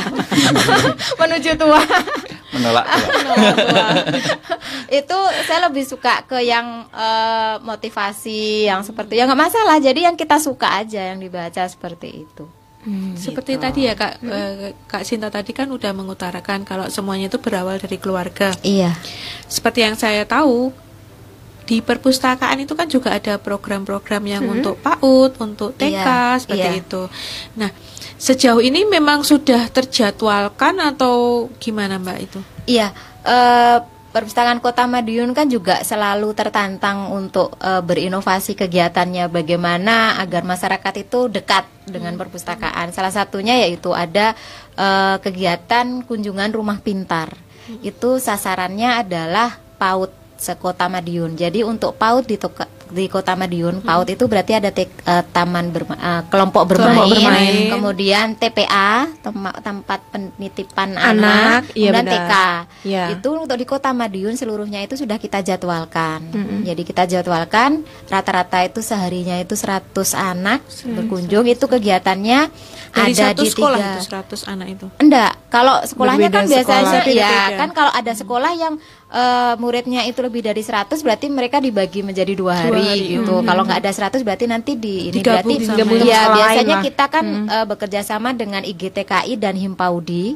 Jadi mereka yang akan ngatur hari ini Oh, siapa gitu. saja seperti itu. Nah, kita ada tiga sentra yang digunakan. Biasanya ada sentra panggung gembira. Jadi di situ ada panggung, disediakan keyboard. Jadi kita sediakan tutor musiknya. Jadi mereka menyanyi, Bisa menyanyi. bersenam seperti itu. Kemudian ada permainan APE, alat peraga edukatifnya. Kemudian nanti ada sentra buku, jadi di situ khusus buku anak-anak yang bergambar seperti Hmm, itu. Jadi kalau TK itu ya. belum membaca, jadi mereka ya lihat-lihat gambar Melihat saja gambar, gitu. benar, Dan biasanya nanti ada eh, dari pustakawannya itu yang bercerita gitu ya, eh, mendampingi membaca buku lah, dibacakan buku cerita ini seperti itu. Kemudian di ruang audiovisual, di ruang audiovisual itu mereka nonton film anak-anak. Film anak-anak kemudian ya kita pancing kita tanya filmnya tadi seperti apa kayak gitu. Kemudian juga ada beberapa perpus- kerjasama dengan perpustakaan kelurahan itu mereka mengundang mobil keliling kami. Jadi kami bawa mobil keliling ke kelurahan nah kemudian kami bercerita nanti di situ pustakawannya bercerita ke anak-anaknya itu seperti itu Nah, untuk yang tadi ya Mbak Sinta sampaikan eh, mobil perpustakaan keliling. Keliling. Nah, itu ada jadwal khusus atau permintaan? Kalau yang ke kelurahan Heeh. seperti itu permintaan. Karena Oh. di jadwal kami sementara karena kami juga keterbatasan unit ya mobil keliling itu sebenarnya hanya ada tiga tapi yang satu tuh bentuknya bis jadi kurang eh, Kurang kita fleksibel gitu ya. jadi bis pintar ini kita khususkan untuk di area Kalau misalnya Market ada setiap minggu gitu pagi. ya. ya setiap minggu pagi atau ada pameran-pameran seperti itu. Jadi mobilnya kan hanya ada dua sementara ini kita masih fokusnya itu ke sekolah. Sekolah khususnya SD MI kemudian SMP MTS dan setiap Selasa hari Selasa itu kita ke lapas pemuda. Itu di lapas kami itu jadi masih terbatas itu jadi kalau untuk kelurahan atau eh, ada lembaga lain yang menginginkan untuk dikunjungi itu berdasarkan permohonan Oh, ada Nah, untuk yang lain kita juga ada kelas literasi. Kelas literasi itu bentuknya diskusi-diskusi. Nah, itu kelompok sasarannya eh, eh, disesuaikan dengan tema. Kadang kayak kita kemarin tuh pernah mengangkat tentang pengembangan perpustakaan digital, kita Mhm. undang pengelola perpustakaan sekolah seperti itu. Kemudian kemarin tuh ada tentang eh, apa budaya masyarakat di di keluarga membudayakan minat baca di keluarga Mhm. hari itu kemarin narasumbernya ada ibu eh, bunda baca kita ketua tim penggerak PKK Kota Madiun Iya. itu sasarannya adalah ketua TPP PKK Mhm. kelurahan dan kecamatan Oh gitu. Hmm, jadi, memang disesuaikan Dengan harapan nanti ya, bisa kalau menyampaikan kita bahas tentang misalnya bedah buku tentang sejarah kita undang Hmm. komunitas sejarah seperti itu ya kalau nggak salah besok besok itu ada bedah buku tentang eh, buku ajar itu Hmm. nanti eh, apa sasarannya itu eh, peserta diskusinya itu Hmm. rata-rata dari sekolah yang mereka biasanya juga biasa menulis Oh, Gitu. oh, Iya. karena itu ya, itu. Ya kita selalu berusaha mendekatkan ke sesuai karena kalau perpustakaan umum itu kan kelompok sasarannya memang beda-beda. Iya, luas seperti itu. Oke, gitu ya Mbak Rin Asik ya. ya, Mbak. Asik ya, Mas. Kapan-kapan ke sana, Kak? Iya, pasti. Mau nganterin Kak Kiki buat kartu. Kan susah kan. Aduh, jadi malu sayanya. Ya oke, sahabat WA lagi. Halo, selamat malam Kak Kiki, selamat malam Kak Sinta Karifan dan juga Kak Arin. Aku Anggia di Madiun. Saya mau tanya ke Kak Rifan. Aduh, cewek nih kayaknya nih. Kenapa memilih menjadi pustakawan? Nah, itu tadi toh. Sama kan yang saya tanyakan tadi, Kak. Iya benar. Jadi memang eh, passion ya Passion, mungkin ya hmm. passion dari kecil Untungnya sama passion. memang suka ke perpustakaan dari kecil. Terus kebetulan kita juga pendidikannya di ilmu perpustakaan juga. Dulu awal kuliah memang ag- ada yang bilang ngapain sih nata buku harus kuliah gitu. Iya benar. Iya. Tapi ternyata Iya, benar. kan nggak nggak sekedar nata Iya, buku. nata buku Banyak ternyata macam- banyak sekali. banyak hal. Malah justru saya tuh dulu itu yang jadi cambuk. Saya harus menunjukkan bahwa jadi pustakawan itu kita bisa Keren. iya keren. Iya benar sih, benar sih. Soalnya sabarnya tuh loh ya kan, buku Iya. berserakan gitu Mungkin diambil Kiki kalau dikembalikan di lagi situ diambil. kurus. Nggak perlu diet. Soalnya gini ngambil ngembaliin buku gitu kan itu. olahraganya kan ya. Kemarin itu ada obrolan saya dengan eh, salah satu teman Mhm. beliau itu di apa bekerja di salah satu bank gitu. Jadi beliau bilangnya kamu tuh kerjaannya apa tuh? Paling kan cuma nyatetin yang pinjam buku dicatat kembalikan selesai. Hey, gitu enak toh. aja gitu. Enggak, saya bilangnya iya sih kalau yang minjam banyak ya eh, lumayan sibuk kalau Hmm. enggak ya enggak ya sama sih kalau di bank itu kan tinggal orang nabung kita catat orang ambil duit kita kasih Hmm. ya enggak kalau di bank itu kan banyak bagian ini tuh lah sama di perpustakaan itu juga banyak Iya, bagian iya, cukup benar, karena benar, terkadang orang itu komentar karena mereka belum, belum paham. tahu. Iya, Heeh. Ya, jadi itu tadi. di sini ini jadi masyarakat lebih tahu. Jadi Iya. orang lebih tahu bagaimana perannya pustakawan begitu besar membantu kita masyarakat yang pengen meminjam buku gitu loh ya. Judulnya benar, ya kan ya, lorongnya benar. Iya, kayak saya tuh malah nggak pernah loh di duduk di yang minjam buku dia mengembalikan buku Iya ya, malah nggak Iya, pernah. kalau berkunjung ke perpustakaan Kota Madiun misalnya malah jarang ketemu saya. Nanti kapan-kapan kita magang layar saja. kita magang di sana nanti Kak Sinta yang Iya. pinjam. Oh, iya. Sama tadi nambahin yang eh, teman tadi yang mau belajar bagaimana mengelola perpustakaan. Jadi tadi Mas Rifan kan juga membuka diri untuk belajar. Perpustakaan Kota Madiun juga membuka diri. Kami membuka diri. Jadi eh, semua jenis perpustakaan mau perpustakaan pribadi kayak Mbak Arin tadi kan punya koleksi buku gimana sih Banyak. mengelolanya Mm-mm. kita juga sangat terbuka bagaimana kita untuk malah seneng bisa misalnya membantu kayak misalnya kemarin ada perpustakaan kelurahan gitu Hmm.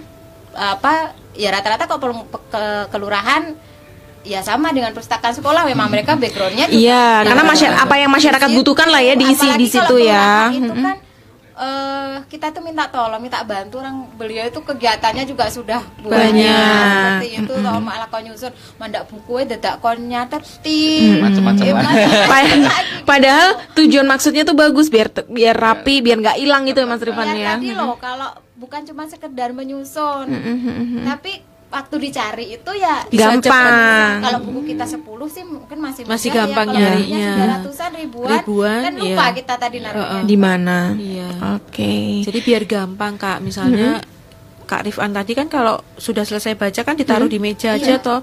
Mas Rifan yang masukkan kan Iya. otomatis nggak kalau usah sebenarnya nggak usah baik-baik ya. nggak usah baik-baik sama pustakawan kan niatnya kasihan pustakawannya nanti kan noto buku Iya, jadi tak benar. balikkan Itu- sendiri. itu- itu malah Nggak usah menyusahkan. iya, Itu malah gitu. jadi nggak usah menyusahkan terlalu gitu. baik biar taruh Jadi situ aja biar kamu yang kembalikan. tadi di mana ditaruhnya gitu Iya, iya, loh. benar. malah menyusahkan. Iya. Kalau dia kan kalau ditaruh di situ kan hafal oh ini tempatnya mana, baik. ini tempatnya Iya. sini gitu. Oh, Oke oke oke. Baik, terlalu baik. iya jadi nggak usah dibaikin kamu tambah ribet nanti ya. Harusnya tempatnya di A ini jadi di Z gitu Iya. kan. Oke, baik eh, Kak Rifan dan juga Kak Sinta dan juga Kak Arin. Ini obrolan cukup menarik ya. Banyak dari teman-teman Facebook yang bilang obrolannya cukup menarik, tapi waktu kita juga yang harus Terbatas oleh terbatas ya. Besok Rabu kita mungkin bisa ketemu lagi ya, Sahabat Ramadan dan untuk kebersamaan kita yang terakhir mungkin dari Kak Arin ada yang ingin ditanyakan kepada Kak Sinta sama Kak Rifan? Untuk yang ditanyakan nggak ada kak. Mungkin nanti insya Allah kapan-kapan saya tak main. Belajar, ke- dia tetap Iya, kekeh mau tetap belajar. Tetap. Saya Tetap usaha ya. iya Oke. Kar- ya, karena kita mempunyai apa istilahnya tanggung jawab. Apa istilahnya untuk membantu memberdayakan itu tadi. iya Mempunyai rasa tanggung jawab kak Kiki. Mm-mm, Kelompok informasi masyarakat kak Kiki. mm-mm. Jadi nanti di insya Allah kita bisa bersinergi dengan eh, pengelola kelurahan, iya perpustakaan kelurahan. Jadi biar bisa jalan juga. Terus kim kita juga bisa jalan. Jalan. Kan itu merupakan suatu kegiatan toh Kak Kiki. Betul, Jadi kan iya. kita kegiatannya kan nggak hanya membuat suatu berita, itu pun nanti kan bisa jadi berita juga. toh. Benar, benar. Jadi kan bisa eh, selama ini saya juga belum tahu loh ada ada ada medsosnya perpustakaan atau itu saya belum tahu. ada Imadiun itu tadi kan saya juga Belum belum, tahu. Aku Jadi udah tahu. Ada kemungkinan kan tahu. orang-orang di luaran sana juga belum tahu gitu loh. Jadi otomatis nanti Insya Allah kapan-kapan kalau saya ada waktu mungkin sama Kak Kiki saya mau Nanti. ngantar dia buat kartu itu tadi. Itu ya. ditunggu Ditunggu ya. Kita nanti mau belajar. Ya, dan Oke kita deh. buka dari Senin sampai Minggu loh Senin sampai Senin Minggu. sampai iya, Minggu. kita iya kita buka dari Senin sampai Minggu eh, kecuali hari libur nasional itu kalau Senin sampai eh, Kamis itu kita buka jam 7 pagi sampai jam 7.15 lah. jam 7.15 sampai Pagi ya? dengan jam 17.30 setengah Oh, enam Setengah enam sore. sore. Iya, Kalau Kak Rifan nggak usah ditanya jam sekolah bukannya dia. Ya, kalau Jumat itu jam 7 sampai dengan jam 16.30. Kalau Oke. hari Sabtu dan Minggu itu jam 8 sampai jam 4 sore. 4 sore. Oke, kalau Karifan otomatis ya, Ya, selama jam pelajaran jam sekolah, sekolah, ya. ya. Jam eh, berarti pulang sore tutup. Tutup. Oke. Ya. Dan yang terakhir nih, apa sih yang menjadi harapan Kak Sinta selama menjadi pustakawan? Ya, harapannya itu tadi kita eh, membiasakan untuk berliterasi. Hmm. Berliterasi itu ya membaca, menulis Betul. gitu. Karena kan eh, membaca itu juga erat kaitannya dengan tulisan yang Iya, dibaca betul. gitu. Jadi kita biasakan untuk juga menulis apa pun itu. Kita mulai catatan-catatan kecil enggak apa-apa, kita dokumentasikan, kita tulis seperti itu dan eh, kita mulai dari diri kita sendiri Iya. sekarang Mm-mm. gitu. Kalau udah besok-besok kalau di- Lupa. Iya, kalau diet mulai dari mulai besok kan biasanya gitu. Biasanya besok, Ah. besok, besok, besoknya lagi. iya, dan percayalah yang keren itu yang membaca. Nah, percaya ya, yang keren itu yang membaca. Kalau Karifan gimana nih Karifan? Ada harapan-harapan yang mungkin selama ini Karifan, aku tuh pengennya seperti ini, pengennya seperti ini, dan sudah terlaksana, pengennya lebih lagi, gimana? Eh, kalau membaca ya seperti Mbak Sinta tadi karena saya lebih ke eh, komunitas, Komunitas, ya. mm-mm. Jadi saya pengennya teman-teman pengelola perpustakaan apa pun mar- eh, pengennya eh, semuanya bisa belajar, semuanya bisa mengelola perpustakaan dengan baik dan menjadikan perpustakaan itu tempat yang menyenangkan. Tempat yang menyenangkan. Nah, untuk komunitasnya sendiri ada harapan sendiri nggak buat Karifan biar tambah lagi anggotanya atau lebih eksis lagi kayak apa? Eh, kalau komunitas pengennya lebih bermanfaat aja Bu, untuk semuanya, untuk perpustakaan dan pengelolanya seperti itu aja. Oke, dan tentunya untuk Karifan dan juga untuk Kak Sinta tetap semangat ya. Selalu. Selalu. Harus Kak itu. Harus. Oke, baik. Terima kasih sekali Kak Sinta Karifan hadirnya sudah meluangkan waktu di kebersamaan kita untuk talk show literasi digital di Radio eh, Suara Madiun. Mudah-mudahan bisa ketemu lagi ya Kak ya. Ya. Kita mengambil tema yang lebih menarik dari hari ini tentunya ya. Kak Arin juga terima kasih sudah mendampingi saya. Oke, baik. Sahabat Seramadiun untuk kebersamaan kita di talk show literasi digital 93 FM LPPL Radio Seramadiun kita tuntaskan. Terima kasih banyak untuk sahabat Seramadiun yang sudah WA, sudah mengirim pertanyaan di Facebook. Sukses untuk Anda semuanya. Jaga kesehatan, tetap semangat. Salam Kota Pendekar. Sampai jumpa.